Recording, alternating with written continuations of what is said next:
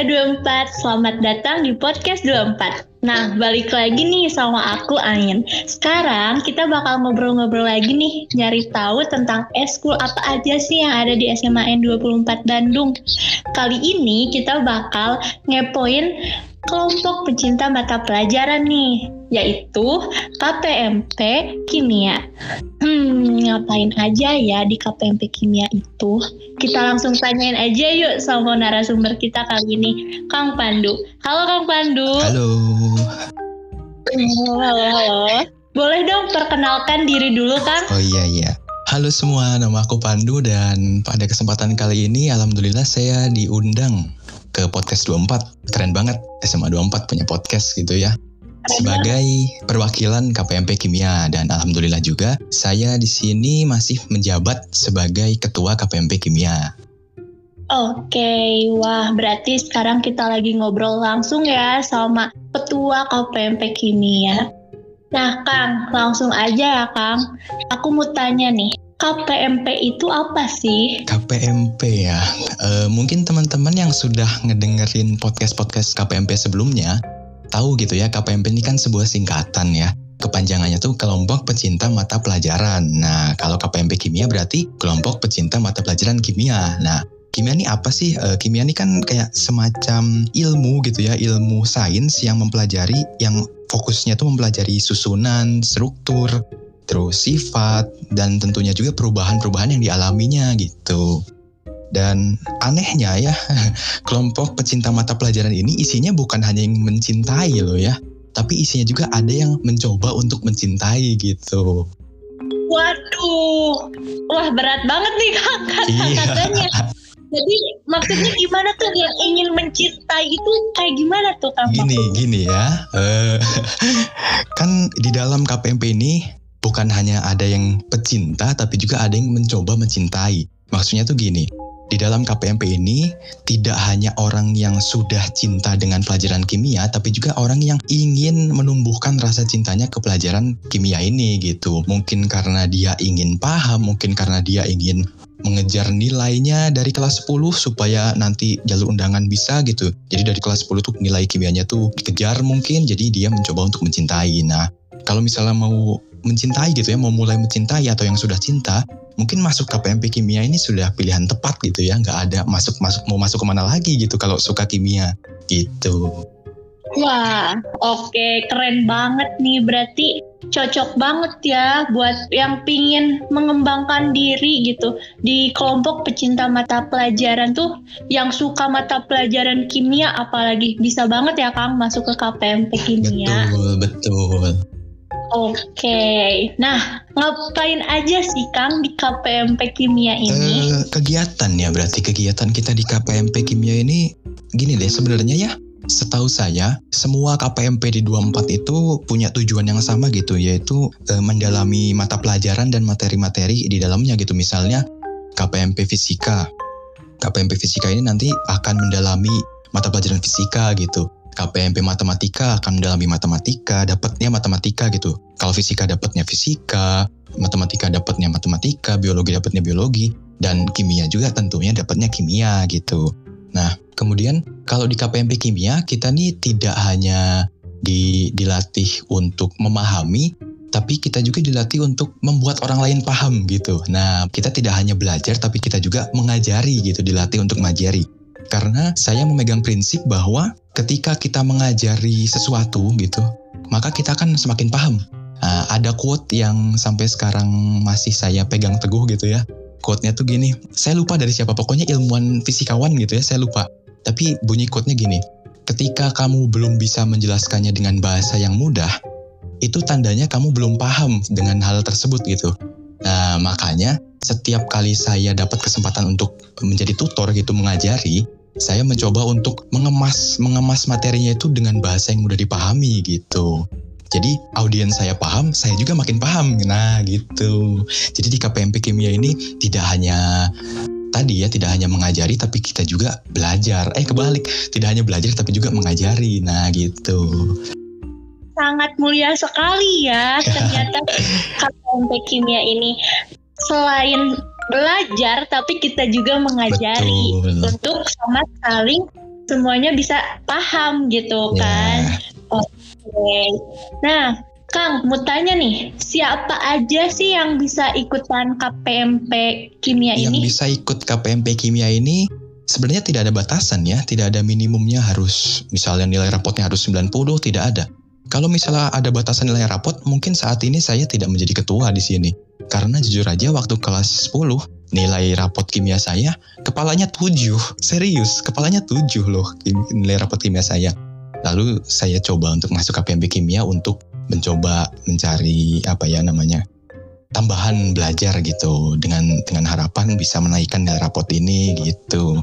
Terus nggak ada juga gitu nggak ada nggak ada batasan mau mau nilai rapot kecil mau nilai rapot tinggi mau eh, nggak bisa kimia mau nggak paham kimia mau paham kimia mau tinggi badan segini mau berat badan segini nggak ada gitu ya. KPMP tuh nggak ada batasan kayak gitu.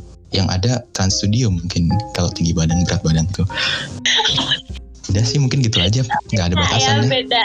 Kalau trans tuh ada batasan. Kalau KPMP kimia ini tuh ada batasan. Semua semuanya bisa masuk di Ya. KPMP kimia ini. Bisa, betul, Oke. betul. Terus, nah sekarang kita beralih ke topik agenda agendanya gitu.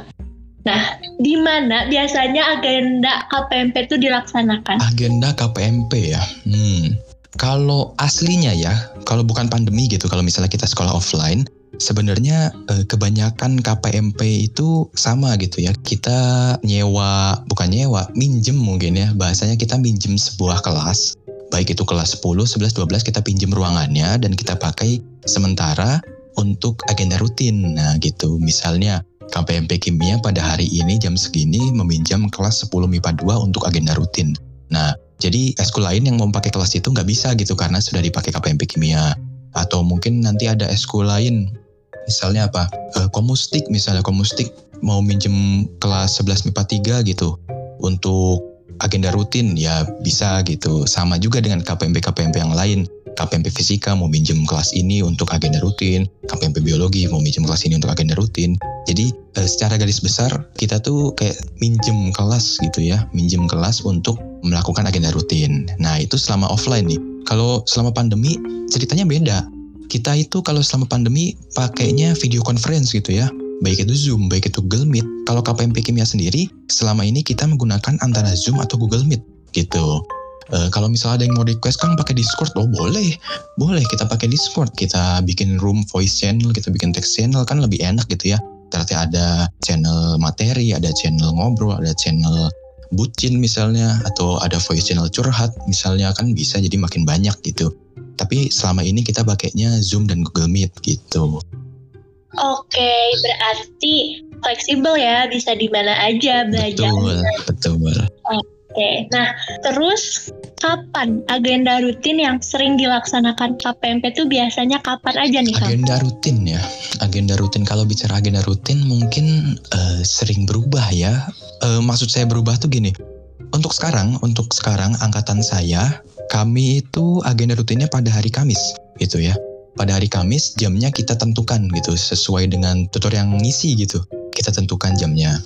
Tapi ini tidak menutup kemungkinan kalau misalnya teman-teman kelas 10 yang join hari Kamis tidak bisa gitu. Kang, saya hari Kamis nggak bisa. Saya ada agenda. Itu tidak menutup kemungkinan bahwa hari-hari agenda rutin ini bisa dirubah. Kita kita bisa merubah hari agenda rutin ini sesuai kesepakatan gitu. Kita diskusi. Misalnya, Kang hari Kamis saya nggak bisa. Ya udah kita ubah misalnya Jumat, misalnya sesudah Jumatan bisa gitu. Kita sesudah Jumatan sejam, masih ada jam 2 tuh kan jam 2 mas- masih bisa tidur siang lah ya. Atau misalnya hari Senin gitu, hari Senin sore eh, setelah maghrib misalnya bisa. Itu sebenarnya sesuai kesepakatan aja, tidak terikat harus hari Kamis, enggak. Jamnya juga sesuai kesepakatan juga, enggak terikat harus sesudah maghrib atau sesudah Jumatan gitu. Jadi benar-benar fleksibel gitu. Oke, berarti tempat dan waktunya tuh benar-benar bisa disesuaikan dengan kemampuan Ya betul anak-anak betul. kita ya Kang? Oke, Yes yes. terus apa aja sih Kang manfaat atau keuntungan kita nih yang mungkin anak-anak baru angkatan 24 yang mau masuk KPMP kimia ini? Manfaat atau keuntungan? Mungkin kalau misalnya kita bahas manfaat atau keuntungan tuh banyak sekali ya. Saya ambil beberapa deh manfaat atau keuntungan. Yang pertama uh, kita tuh bisa memahami mata pelajarannya lah ya pasti. Misalnya kita join kimia, kita lebih paham kimia gitu. Kita join biologi, kita lebih paham biologi. Terus saya meyakini bahwa tutor-tutor KPMP ini di 24 itu berkompeten ya. Jadi bisa gitu, berkompeten untuk berbagi ilmunya gitu untuk e, menjadi tutor lah ya iya tutor menjadi tutor gitu terus misalnya fisika kita diajarin oleh tutor yang berkompeten tentang fisika gitu jadi kita lebih paham fisika misalnya biologi kita diajari oleh tutor yang berkompeten di bidang biologi jadi kita bisa biologi terus kimia kita diajari oleh tutor yang berkompeten di bidang kimia kita jadi bisa kimia gitu. Oh, enggak bentar. Kalau di kimia ini ini fun fact ya. Ini sebuah fun fact. Kalau teman-teman masuk KPMP kimia dan kebetulan dapat tutornya saya, Nah, teman-teman nggak hanya dapat kimia, tapi juga dapat pelajaran-pelajaran lain gitu. Meskipun hanya secuil, tapi dapat gitu. Kayak Wah, gini nih, pelajaran misalnya, pelajaran hidup, misalnya kita belajar pelajaran hidup gitu, atau pelajaran fisika, meskipun cuma secuil lah. Contoh saya boleh cerita ini, boleh cerita saya. Boleh, boleh, boleh banget, boleh banget uh, dong. Gini, dulu saya pernah jadi tutor di sebuah agenda rutin lewat Zoom. Nah, kita tuh kebetulan lagi bahas tentang elektrolit dan non elektrolit gitu. Jadi apakah larutan itu bisa menghantarkan listrik atau tidak? Uh, selagi di bagian itu nih, pembahasannya lagi di bagian itu. Terus out of nowhere gitu ya, tidak tahu tiba-tiba uh, adik saya ada yang nanya gitu, audiens saya ada yang nanya, Kang saya izin bertanya, saya boleh gitu boleh, mau nanya apa? Katanya gini, kalau misalnya air itu bisa menghantarkan listrik, kenapa uh, nelayan yang nangkep ikan pakai listrik kok nggak kesetrum? Ya gitu. Nah sesaat setelah saya mendengar pertanyaan itu saya nanya juga gitu. Lah iya juga ya. Kenapa kok nelayan nggak kesetrum? Nah terus ini tuh menunjukkan bahwa anak-anak di KPMP Kimia ini sebenarnya apa ya namanya punya rasa penasaran yang tinggi gitu. Kok bisa? Bisa bisanya kepikiran ke sana gitu. Saya aja nggak kepikiran. Kenapa kok nggak kesetrum? Lah iya juga. Nah Terus karena kebetulan saat itu tutornya saya, berarti kan mau nggak mau saya jawab nih ya. Saya jawab mulai dari uh, kita bahas airnya dulu, kenapa air itu bisa mengantarkan, lalu kita bahas uh, listriknya nih, fisikanya nih kita bahas listriknya, bagaimana cara kerja alat yang buat nyetrum itu. Terus kita poin-poin dari kedua hal tadi kita kita hubungin gitu. Kenapa kok nelayan nggak kesetrum sedangkan ikan kesetrum gitu. Nah, terus uh, selain ini juga ada lagi gitu. Selain dapat secuil fisika, dapat juga sejarah Sejarah gimana nih? Gini sejarahnya. Waktu itu terakhir saya ngajar, bukan ngajar ya, saya berbagi ilmu mungkin. Kalau ngajar kayaknya terlalu tinggi ini bahasanya. Saya berbagi ilmu tentang stoikiometri. Ada hukum-hukum dasar kimia di dalamnya. Ada salah satu hukum dasar kimia yang namanya hukum kekekalan massa. Nah, orang yang mengemukakan hukum itu namanya Anthony van Lavoisier. Saya nggak tahu gimana bacanya, pokoknya Lavoisier gitu ya. Nah, saat saya cerita gitu ya, cerita tentang hukumnya, saya ini orangnya suka cerita gitu, suka mengait-ngaitkan lah ya. Saya suka cerita. E, setelah saya cerita orangnya gitu hukumnya, saya cerita sejarahnya gitu. Saya cerita bagaimana orang ini bisa menemukan hukum ini, bagaimana orang ini mengemukakan hukum ini, bagaimana keadaan e, lingkungannya gitu, bagaimana akhir hidupnya dia bagaimana gitu kan kan dipenggal dia gara-gara mengemukakan hukum hukum kekekalan masa yang sekarang gitu. Jadi dia dia dibunuh karena benar. Nah, saya saya berbagi cerita gitu. Jadi kayak kimia rasa sejarah gitu meskipun cuma sesuai juga ya. Gitu. Jadi teman-teman tuh kalau masuk KPMP kimia dan ketemu tutornya saya, teman-teman insya Allah dapat uh, secuil dari mata pelajaran lain gitu, baik itu sejarah, fisika, matematika gitu. Tidak hanya kimia murni saja, tidak murni kimia gitu. Wah keren banget nih Kang Pandu bisa ajarin kimia tapi ngajarin mata pelajaran yang lainnya ya. Keren banget. Banget banget. Meskipun cuma sedikit deh itu. Oke, tapi setidaknya ada ya Kang, ada aja. Iya, betul betul. Wah, mantap, keren keren. Nah, terus nih Kang, kemarin aku tuh denger kabar kalau KPMP Kimia ini tuh ikutan KSN ya kan? Betul, betul. Nah, kita mau tahu dong ceritanya sedikit aja. Waktu itu gimana sih rasanya ikutan lomba atau olimpiade ya kan? Oh, boleh. Di situasi lagi serba online kayak ah, gini. Ya, boleh betul. Cerita. Ini tuh kayaknya bagian dari keuntungan atau manfaat tadi ya. Kita tuh bisa ikut olimpiade juga gitu loh. Jadi manfaat kedua berarti ya manfaat keduanya tuh kita bisa dapat pengalaman-pengalaman kayak gini gitu kayak ikut event, ikut olimpiade, ikut macam-macam lah ya yang di ranah sains gitu di ranah kimia. Terakhir, terakhir saya ikut KSN kimia itu bulan bulan apa ya saya lupa. Pokoknya KSNK tingkat kabupaten. Nah, itu awalnya kita bikin sebuah seleksi gitu ya tingkat sekolah dulu untuk diambil tiga orang untuk dikirim nanti ke KSNK tadi KSN tingkat kabupaten. Dan ada cerita menarik ini ya. Nggak tahu saya nggak tahu ini memalukan atau menarik. Jadi saya itu telat gitu benar-benar terlambat mengikuti seleksi tingkat sekolah. Jadi pembimbing saya gitu Bu Arin pembimbing saya tuh sudah bikin soalnya sudah bikin jadwalnya pada hari H. Kita kita bilangnya hari H aja ya. Kita bilangnya hari H untuk mengikuti seleksi. Nah, teman-teman saya tentunya udah persiapan dulu dong di sebelumnya gitu sebelum hari H. Dan saya kan HP saya rusak gitu ya. Saya baru tahu ada seleksi itu di hari H-nya juga. Waduh, saya panik juga tuh, panik pasti panik lah. Nggak ada persiapan apa-apa, langsung ikut seleksi ya udahlah dengan dengan mengucap Bismillah gitu, saya kerjain dan alhamdulillah saya lolos gitu ya ke KSNK itu tingkat kabupaten bersama dua orang yang lainnya. Yang pertama tuh kelas 10 ada dia, yang kedua tuh ada kelas 11. Sekarang kelas 12 berarti. Ada Dinda, yang terakhir saya gitu. Dan kita tuh di, dikirim nanti ke KSNK. Sebelum dikirim itu kita pastinya ikut kayak semacam apa ya intensif mungkin ya bisa dibilang intensif bersama pembimbing kita gitu Bu Arin ada macam-macam lah ya soal yang dikasih ke kita itu untuk latihan KSN gitu. Dan pada hari hanya kita datang KSN ternyata bukan online ya, ternyata kita datang ke sekolah ke 24 gitu ke lab komputer 24 dengan tentunya pakai protokol kesehatan gitu ya. Dan itu adalah pertama kalinya saya masuk ke lab komputer 24 dalam waktu yang lama gitu. Biasanya cuma sebentar-sebentar doang dan saya baru sadar juga kalau Labcom 24 tuh dingin gitu.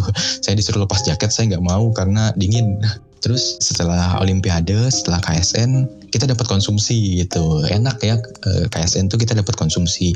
Bisa sambil makan gitu ngerjainnya mungkin. Tapi kebetulan saya nggak saya nggak saya nggak dimakan gitu karena dimakan di rumah. Terus apalagi ya yang perlu diceritain? Mungkin gitu sih eh, Olimpiade tuh dapat dapat pengalaman terus dapat macem-macem. Soal-soalnya bentuk-bentuk soalnya tuh bener-bener macem-macem. Yang namanya soal ih gemes banget aku ngelihat soalnya tuh. Kenapa kok kepikiran bikin soal kayak gini gitu?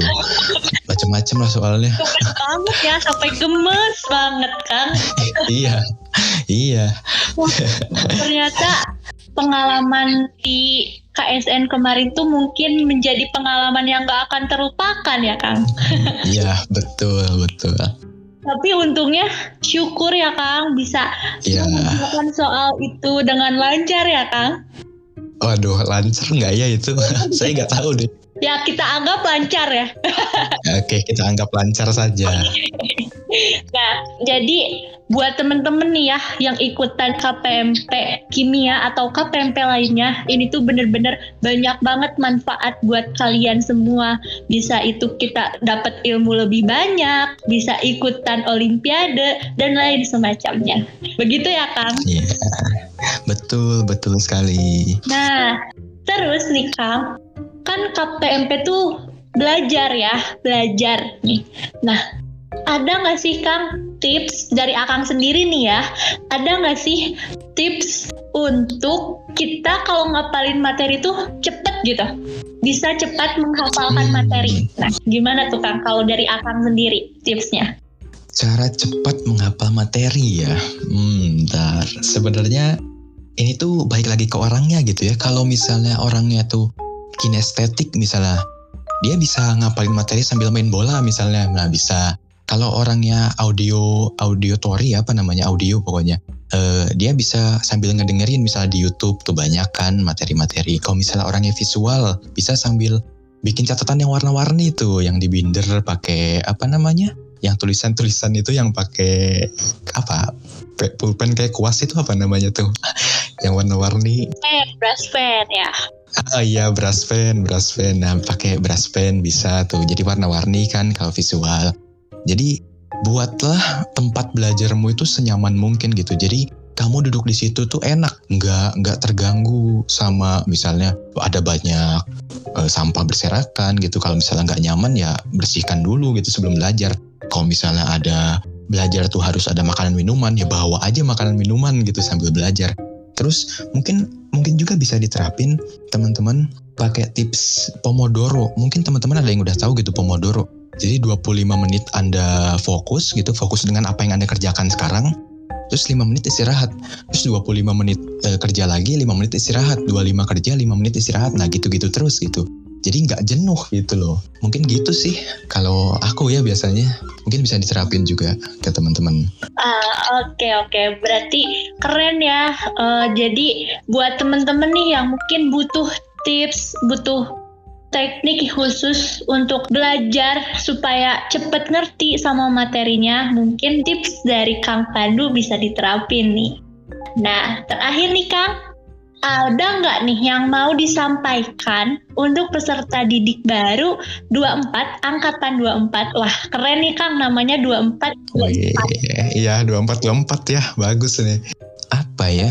Mungkin Pertama saya ucapin selamat dulu ya, udah berjuang, sudah bisa melewati seleksi PPDB yang ketat gitu, sehingga bisa masuk ke SMA Negeri 24 Bandung. Saya ucapkan selamat dulu gitu. Kemudian berbanggalah itu sebagai keluarga besar warga 24 gitu karena di sini tuh kita keluarga besar gitu, bukan hanya kakak kelas, adik kelas, bukan hanya teman, bukan hanya guru, tapi kita ini keluarga besar gitu. Terus teman-teman nih yang baru masuk kelas 10, persiapkan dari sekarang untuk ngejar jalur undangan gitu ya. Memang memang bukan memang saya bukan bukan menyarankan untuk fokus di jalur undangan itu bukan hanya bergantung di jalur undangan tapi ya setidaknya nggak ada salahnya gitu berjuang dari sekarang siapa tahu nanti bisa dapet jalur undangan gitu kan ke PTN favorit misalnya mau ke ITB, misalnya mau ke ITS, UI misalnya gitu. Dari kelas 10 dipersiapkan. Terus dengan persiapan itu bisa loh salah satu cara mempersiapkan itu dengan join KPMP. Nah, bisa dengan join KPMP itu bisa. Oh, bisa. Bisa. Bisa banget. KPMP mau join yang mana bingung join aja semuanya. Dapat semua. Join semua. Matematika join, fisika, kimia, biologi join aja semuanya. Tidak masalah. Jadi dapat semuanya gitu. Terus apa lagi ya? Hmm, udah kayaknya itu aja ya. Oke nih Kang, berarti terakhir terakhir lagi deh Kang, terakhir boleh dong promosi ini KPMP Kimia untuk CP-nya mungkin atau menghubungi siapa agar adik-adik angkatan 24 itu bisa masuk nih ke KPMP Kimia. Oke, okay, um, kita promosi berarti ya ini.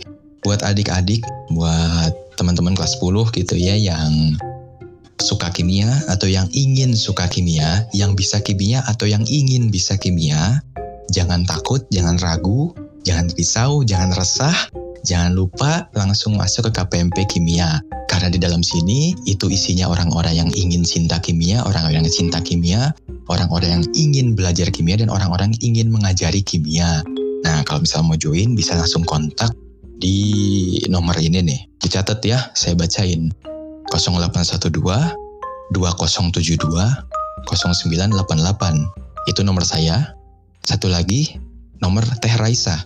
0881 0231 20006. Nah, itu dua kontak person WA ya, WhatsApp yang bisa dihubungi kalau misalnya teman-teman mau nanya atau teman-teman mau mau daftar gitu ya, nyuri start dari sekarang daftar duluan gitu tapi nggak ada slot nggak ada slot ya. Nggak ada kuota di sini. Semuanya uh, mau mau seangkatan 24 24 join KPMP Kimia juga boleh. Nggak ada kuota di sini ya.